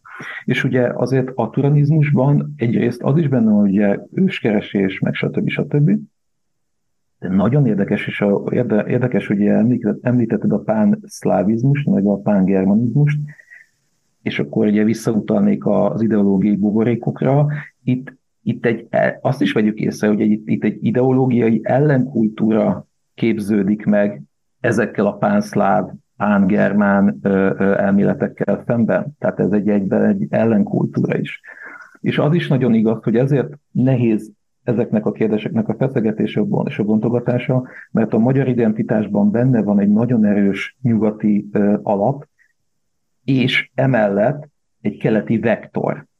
És amiről egyébként nagyon érdekes, a Vona Gábornak van a turanizmusról egy könyve, ő beszélget olyan emberekkel, akik benne vannak, tehát alakítói ezeknek a különböző dolgoknak, és beszélget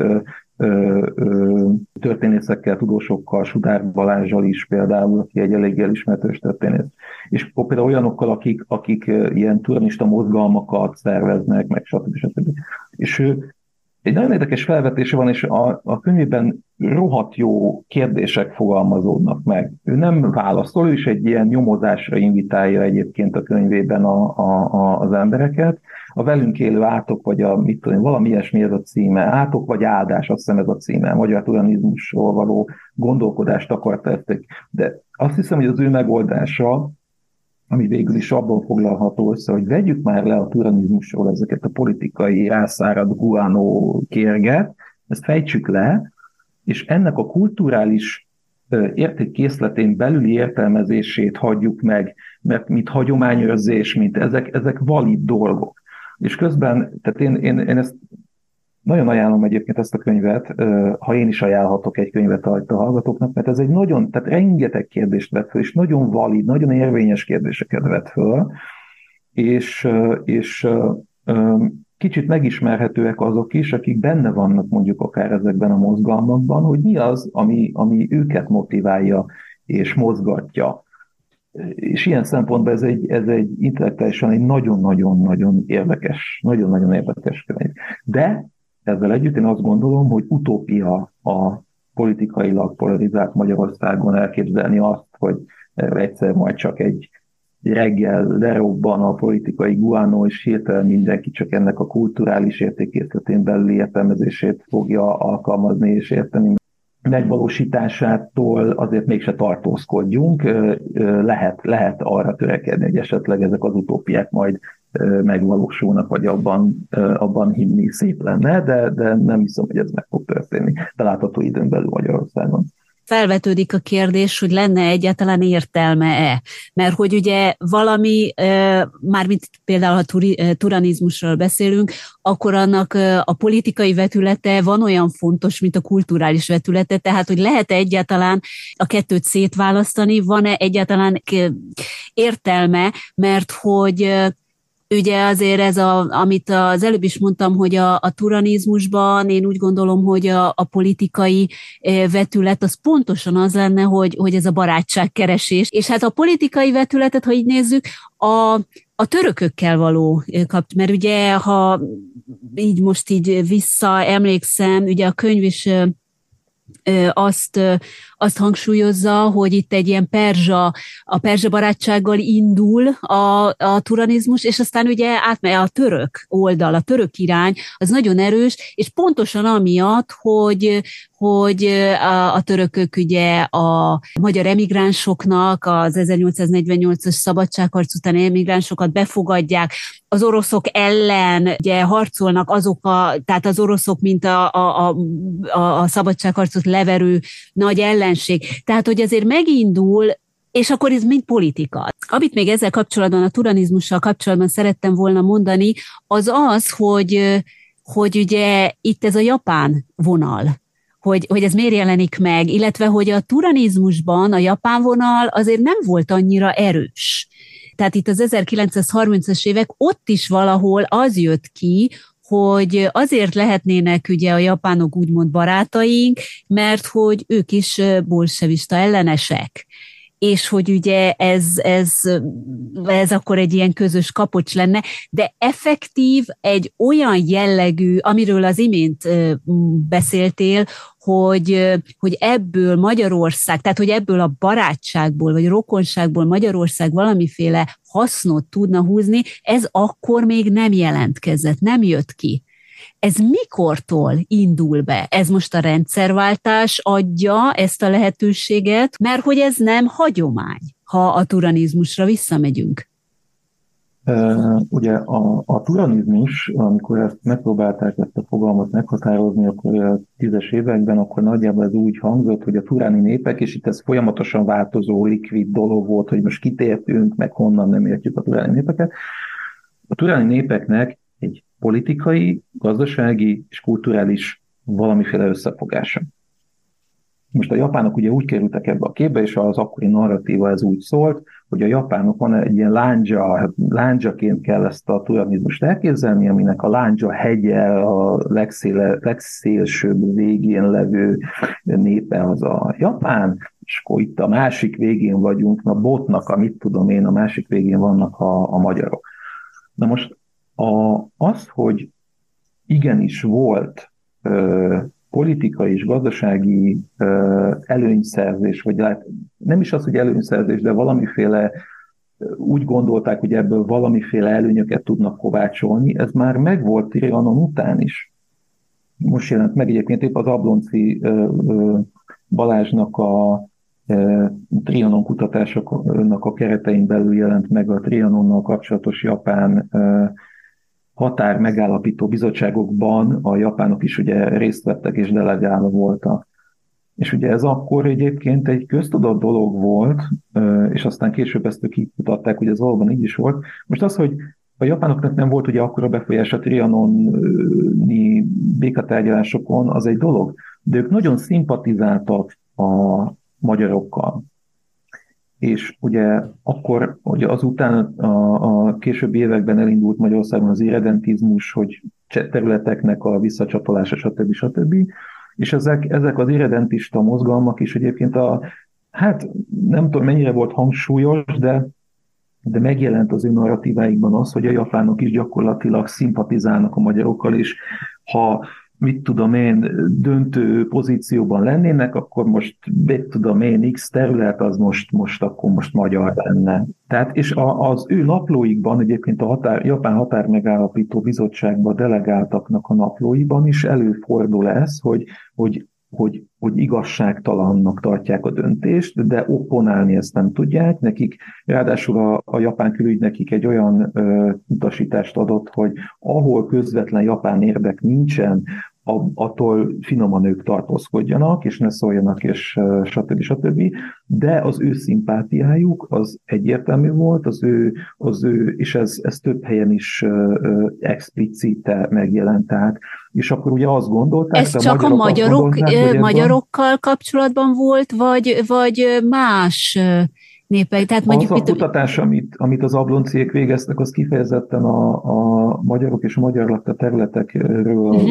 többségében uh-huh. magyar lakta területekről szól. Tehát nem, nincsen arról ott abban, vagy nem tudom, nekem nincsen arról tudomásom, hogy ők mit gondoltak a kisebb népekről, a környező kis népekről, vagy kisebb hát, népekről. Hát, hogy mit tudom, Olaszország például, vagy... Hogy, tehát, hogy mit Igen. gondoltak akár uh-huh. ezekről a... Erről nem tudok. Uh-huh. Tehát, uh-huh. tehát csak ezzel csak azt akartam szemléltetni, hogy érzékeltetni, hogy igen, korábban is megvolt az, hogy, hogy, hogy valamiféle támogatást, ez most anyagi vagy, vagy materiális támogatást reméltünk, vagy reméltek az akkori magyarok, vagy az akkori elit Japántól. Úgyhogy ez, ez megvolt, és most pedig, most pedig sokszor, sokan explicite elmondják, akár politikusok, hogy, hogy, hogy, hogy ettől ők remélik, hogy most tehát most tényleg azt elhisszük, hogyha lemegy egy japán tévében az, hogy a magyarok és a japánok rokonok, akkor mindenki lefoglalja, tehát a, a nézőknek a mit x százalék most hirtelen befoglalja a jegyét egy mert ugye általában nem csak Magyarországra jönnek, hanem egy körútra, ami Prágát, Bécset és Budapestet érinti. Tehát most ez tényleg elhiszi valaki, hogy most ettől fognak többen 20%-kal több japán kattintgatni a várba, a fényképez ez ugye érdekes volt. Egy korábbi adásban ugye Okamoto Mari sensei tanárnővel, amikor beszélgettünk, Kosztolányi, hát ott most az irodalmi megközelítése volt a, a, a dolognak, de hogy az ide érkező japánok, mármint a Magyarországra érkező japánok akkor ugye, tehát itt a 20. század eleje, Bécsi világkiállítás, 19. század, itt Magyarországon sem értették meg őket. Hát pont Kosztolányi az, aki szépen, nagyon szépen leírja, hogy a farcú japánok, és hogy úristen, hát ezt ő ugye nem versnek nevezi, és nem értjük meg, és egyáltalán. Tehát ez a kapcsolat, ez a rokonság, ez a, hát én nem is tudom, baráti viszony, ez én úgy gondolom, hogy abban az időben azért nagyon olyan, olyan felemásnak mondható. Hát ugye ad is sem, hogy visszamenni keletre, meg egyáltalán, tehát itt, itt nem arról ment a, a vita, hogy most akkor, ha mi találunk is rokonokat keleten, akkor nem mi menjünk vissza, hanem ugye mi csak felkészítjük őket, a magyar kultúrával ellátjuk őket, hogy aztán ők majd ott szépen a magyar kultúrából építkezve fejlődhessenek. Tehát nem a magyarság akarna visszamenni, hanem pont az, hogy, hogy, hogy mi csak úgy ki akarnánk rajzani, vagy hát szóval úgy, úgy kivinni a, a mi magyarságunkat és a know-how-unkat, de hogy amiről itt most ugye beszélgetünk, az egy kicsit én nekem egy kicsit úgy az ellenkezőjét mutatja. Tehát a magyar oldal lenne az, ami, ami egyoldalúan hangsúlyozza ezt a rokonságot, barátságot, elviszi egy ilyen misztikumba, és hát, hogy ugye téves eszméket akar ezáltal közzétenni. Véleményed szerint meddig lehet, meddig érdemes, vagy meddig, meddig van erre egyáltalán kapacitás, hogy ezzel az árral szembe menni? És hogyan lehet még tovább szembe menni? Én az egészet úgy fogom fel, mint egy apropó. Tehát ez most Japán kapcsán, ez egy apropó, amelyben egy kicsit mi jobban megérthetjük saját magunkat. Én, én, én inkább azt szoktam mondani, hogy nem feltétlenül az a nulladik feladat, hogy most Japánt megértsük, vagy, vagy, vagy, vagy ilyesmi, hanem először figyeljünk arra, hogy milyen percepcióink vannak Japánról, és hogy azok a percepcióink, amelyeket mi így abóvó elfogadunk, hogy azoknak milyen, azokra milyen hatások tevődtek, vagy milyen hatások révén alakult ki az, amit gondolunk. És ezzel nagyon érdekes módon nem éppen a japánokat fogjuk megismerni, hanem saját magunknak teszünk jót azzal, hogy, a, hogy saját magunkat ismerjük meg. És ezek, és Japán ilyen szempontból csak egy apropó mindehez. Tehát, és ez egy, szerintem egy valid érvelés lehet adott esetben, de, de mondom, tehát nem feltétlenül a megismerés igénye van jelen manapság, ez nem csak Magyarországon van, ez szerintem egész Európában igaz, csak nekünk van egy a hungarikumunk, ugye, ez a kapcsolódási pontunk, vélt vagy valós kapcsolódási pontunk, és ez, ez teszi egy kicsit más sá azokat a narratívákat, amelyek egyébként hasonló, tehát a globális centrumhoz hasonló narratívák, vagy sztereotípiák, vagy klisék mennek és forognak köz, kézen és közszájon itt is, mint mondjuk Hollandiában, vagy Amerikában, vagy valami, csak azért ott voltak olyan, tehát más volt a történelmi nexus Japánnal, más volt adott bizonyos korszakban a japánokkal kapcsolatos érzet, mások voltak, vagy e, esetleg voltak konfliktusok, vagy esetleg voltak területi követelések. Nálunk ilyen konfliktus, ilyen politikai, gazdasági érdeksérelem vagy konfliktus, ez nincsen benne. Pedig mi aztán mi ezeket magyarokként szerintem nagyon nyilván tartjuk, hogy most milyen sérelmet szereztünk kitől, és ezek, ezek a japánok esetében hiányoznak. Hát igen, vagy mondjuk Kína esetében is, ha így nézzük. Kína, hát Kína, Kína ez, ez érdekesebb lehet olyan szempontból, hogy, hogy itt például nagyon érdekes, a kínai magyar kapcsolatokat nem lehet ma se kutatni, mert hiába akar X sinológus bemenni Kínában egy levéltárba, ezek, ezek mind titkos dokumentumok, nem, nem kérhetők ki, vagy esetleg mit tenni, ha, ha e, ne talántán lenne olyan szerencsé vagy kapcsolati tőkéje, amiből ki tudnak kérni egy dokumentum, mindenki lesz belőle satírozva. Igen, de akkor itt most az, hogy mennyire kell itt valaminek tudományosan igazoltnak lenni, nem és mennyire szabad ezt a misztikumot kell, egy hogy picit hagyni. Senki nem zavarja ezt a misztikumot, ez, ez, ez, ez tombol ez a misztikum, és ennek, ennek soha, tehát ez, ez a nagy pénzzel tudnék fogadni rá, hogy eltelik még 150 év, és ugyanitt fogunk tartani, mint ahol, ahol tartottunk. Ameddig itt nálunk nem lesz nem lesz erre szakmailag igény, akár egy múzeumban. Például a múzeumoknak is ugye az egy hatalmas nagy probléma, hogy ők is sokszor beszállnak ebbe a misztifikálásba.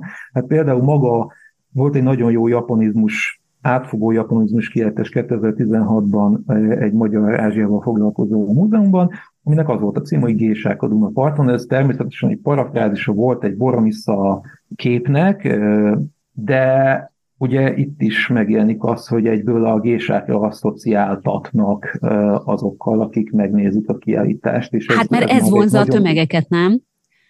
Hát figyelj, a három hónapig volt, kiállí, volt nyitva a kiállítás, és három ezres tömeget vonzott, aminek szerintem a fele ingyen jegyel ment be. És jelennek meg cikkek, amelyek azért kritikus szemmel is nézik. Igen, ezek, csak... ezek elérnek körülbelül, tehát ezek szakmai lapokban jelennek meg, szakmai publikációk, elérnek hat ember.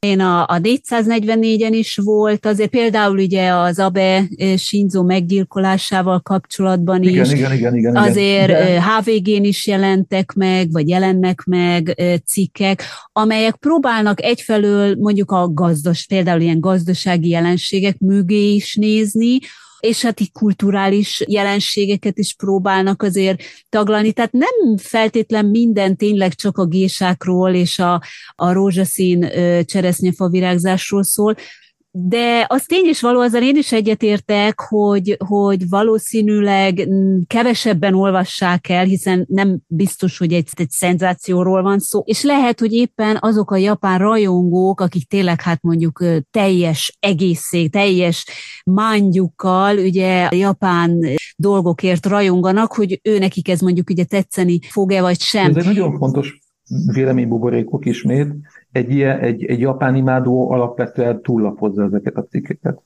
Ő azt fogja keresni, ami az ő fejében él Japánról, és azt a misztikumot, azt a nem tudom micsoda, tehát azt, hogy ő, ő, ő nem jut el addig, ez talán tudat, ne, tehát tudat, tudat alatt sem igazán, hogy olyan cikkeket esetleg befogadjon, vagy olyan cikkekkel kapcsolatban gondolkodjon, vagy utána nézzen, vagy utána olvasson, amelyek bármilyen szempontból is ö, objektív helyz, keretbe helyezik az egész dolgot, amely, amely, amely minden oldalról ad megfelelő érvelési ö, ö, alátámasztást.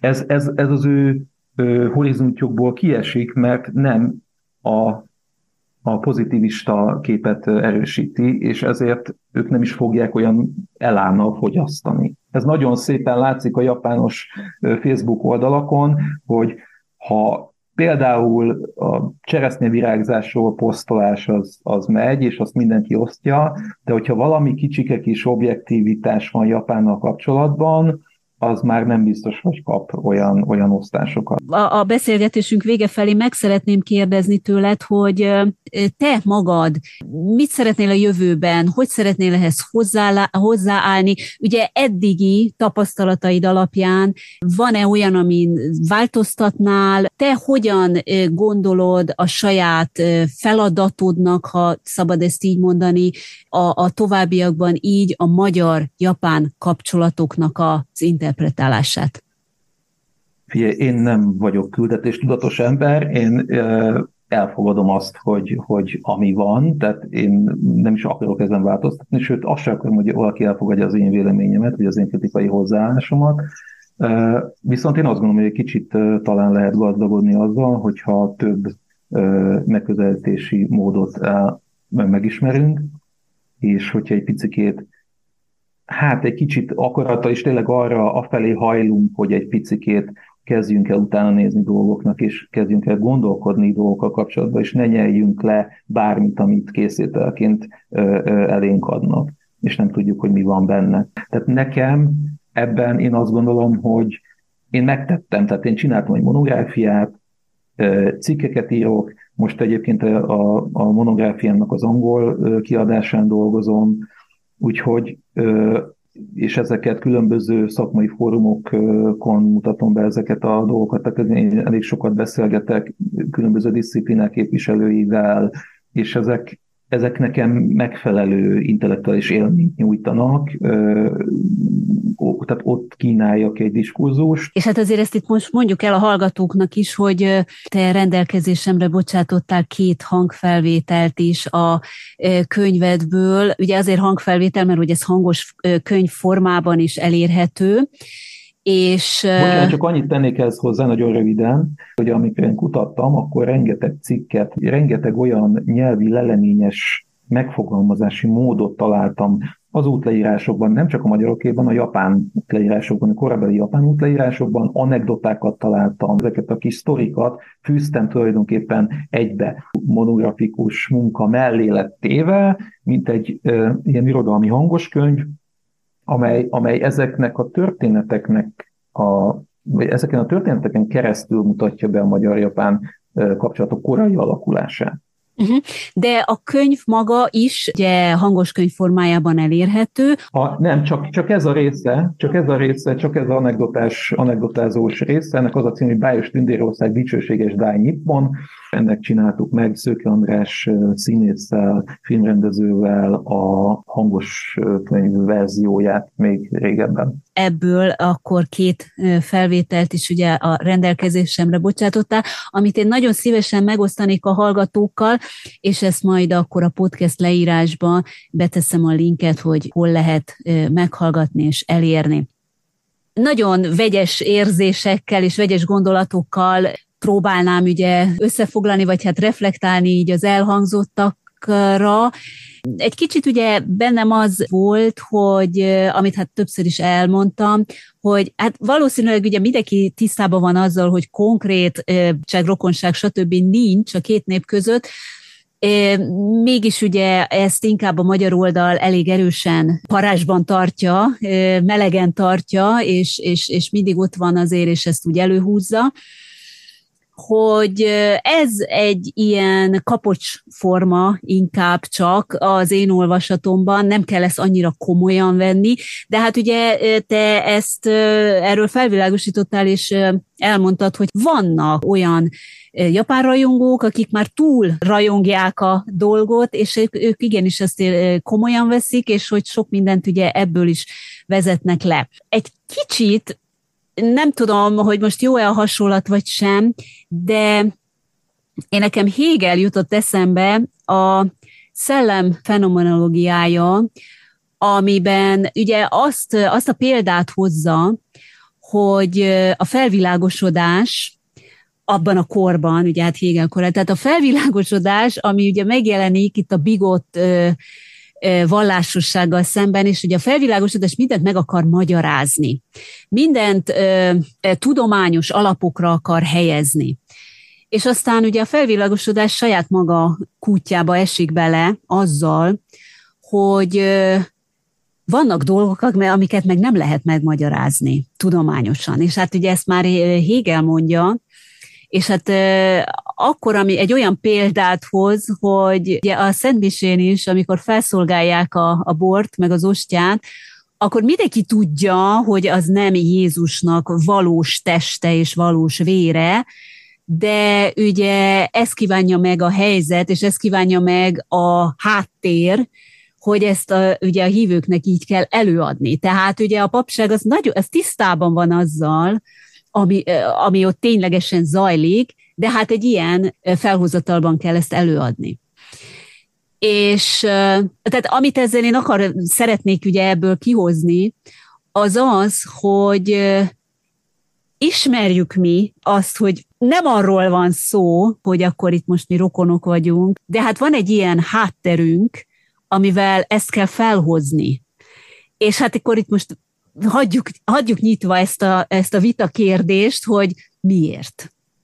És hát itt most gondolja mindenki el, hogy, hogy ő miért akar a japánokkal konkrétan rokoni kapcsolatba kerülni. A legutolsó kérdésem pedig az, amit ugye mindig megkérdezek minden vendégemtől, hogy neked mi jut eszedbe, milyen szín jut eszedbe, hogyha Japánra gondolsz? Én nem tudom, hogy most Japánban, Tokióban, Tokiónak a központjáról beszélünk. Amikor én Japánban voltam 2007 és 2009 között, akkor az esti világításnak volt egy ilyen zöldes színe. Lehet, hogy kékes-zöld volt talán inkább.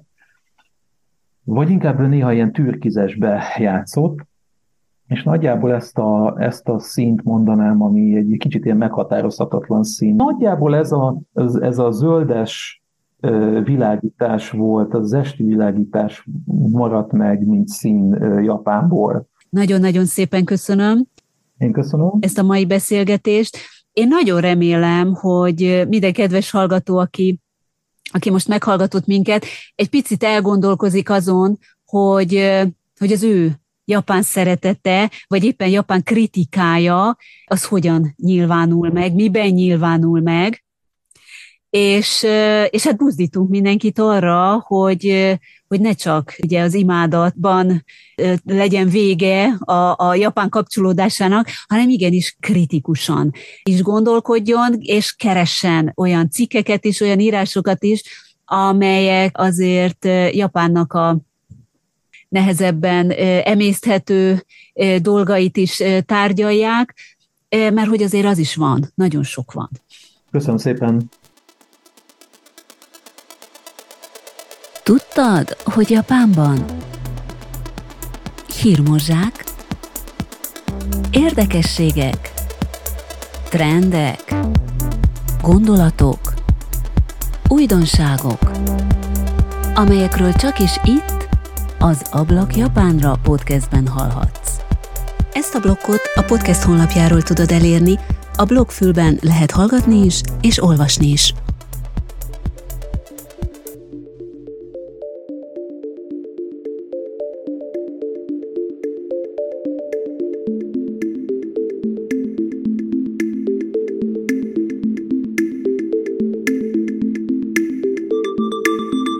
Köszönöm, hogy ma velem tartottál. Ne feledd, minden hónap 15-én éred el az új epizódot, és hogy ne maradj le róla, iratkozz fel a podcast honlapján a hírlevélre, vagy kövess be a legnépszerűbb podcast csatornák valamelyikén. Ha elnyerte tetszésedet az adás, kérlek jelöld öt csillaggal, így kerülhet feljebb a podcast a hallgatottsági listán. Ha pedig szeretnéd, hogy minél többen megismerjék az Ablak Japánra podcastet, akkor mesélj róla kérlek másoknak is. Mindezért előre is hálás köszönetet mondok. A podcast honlapja tehát www.podcast.ablak japánra.com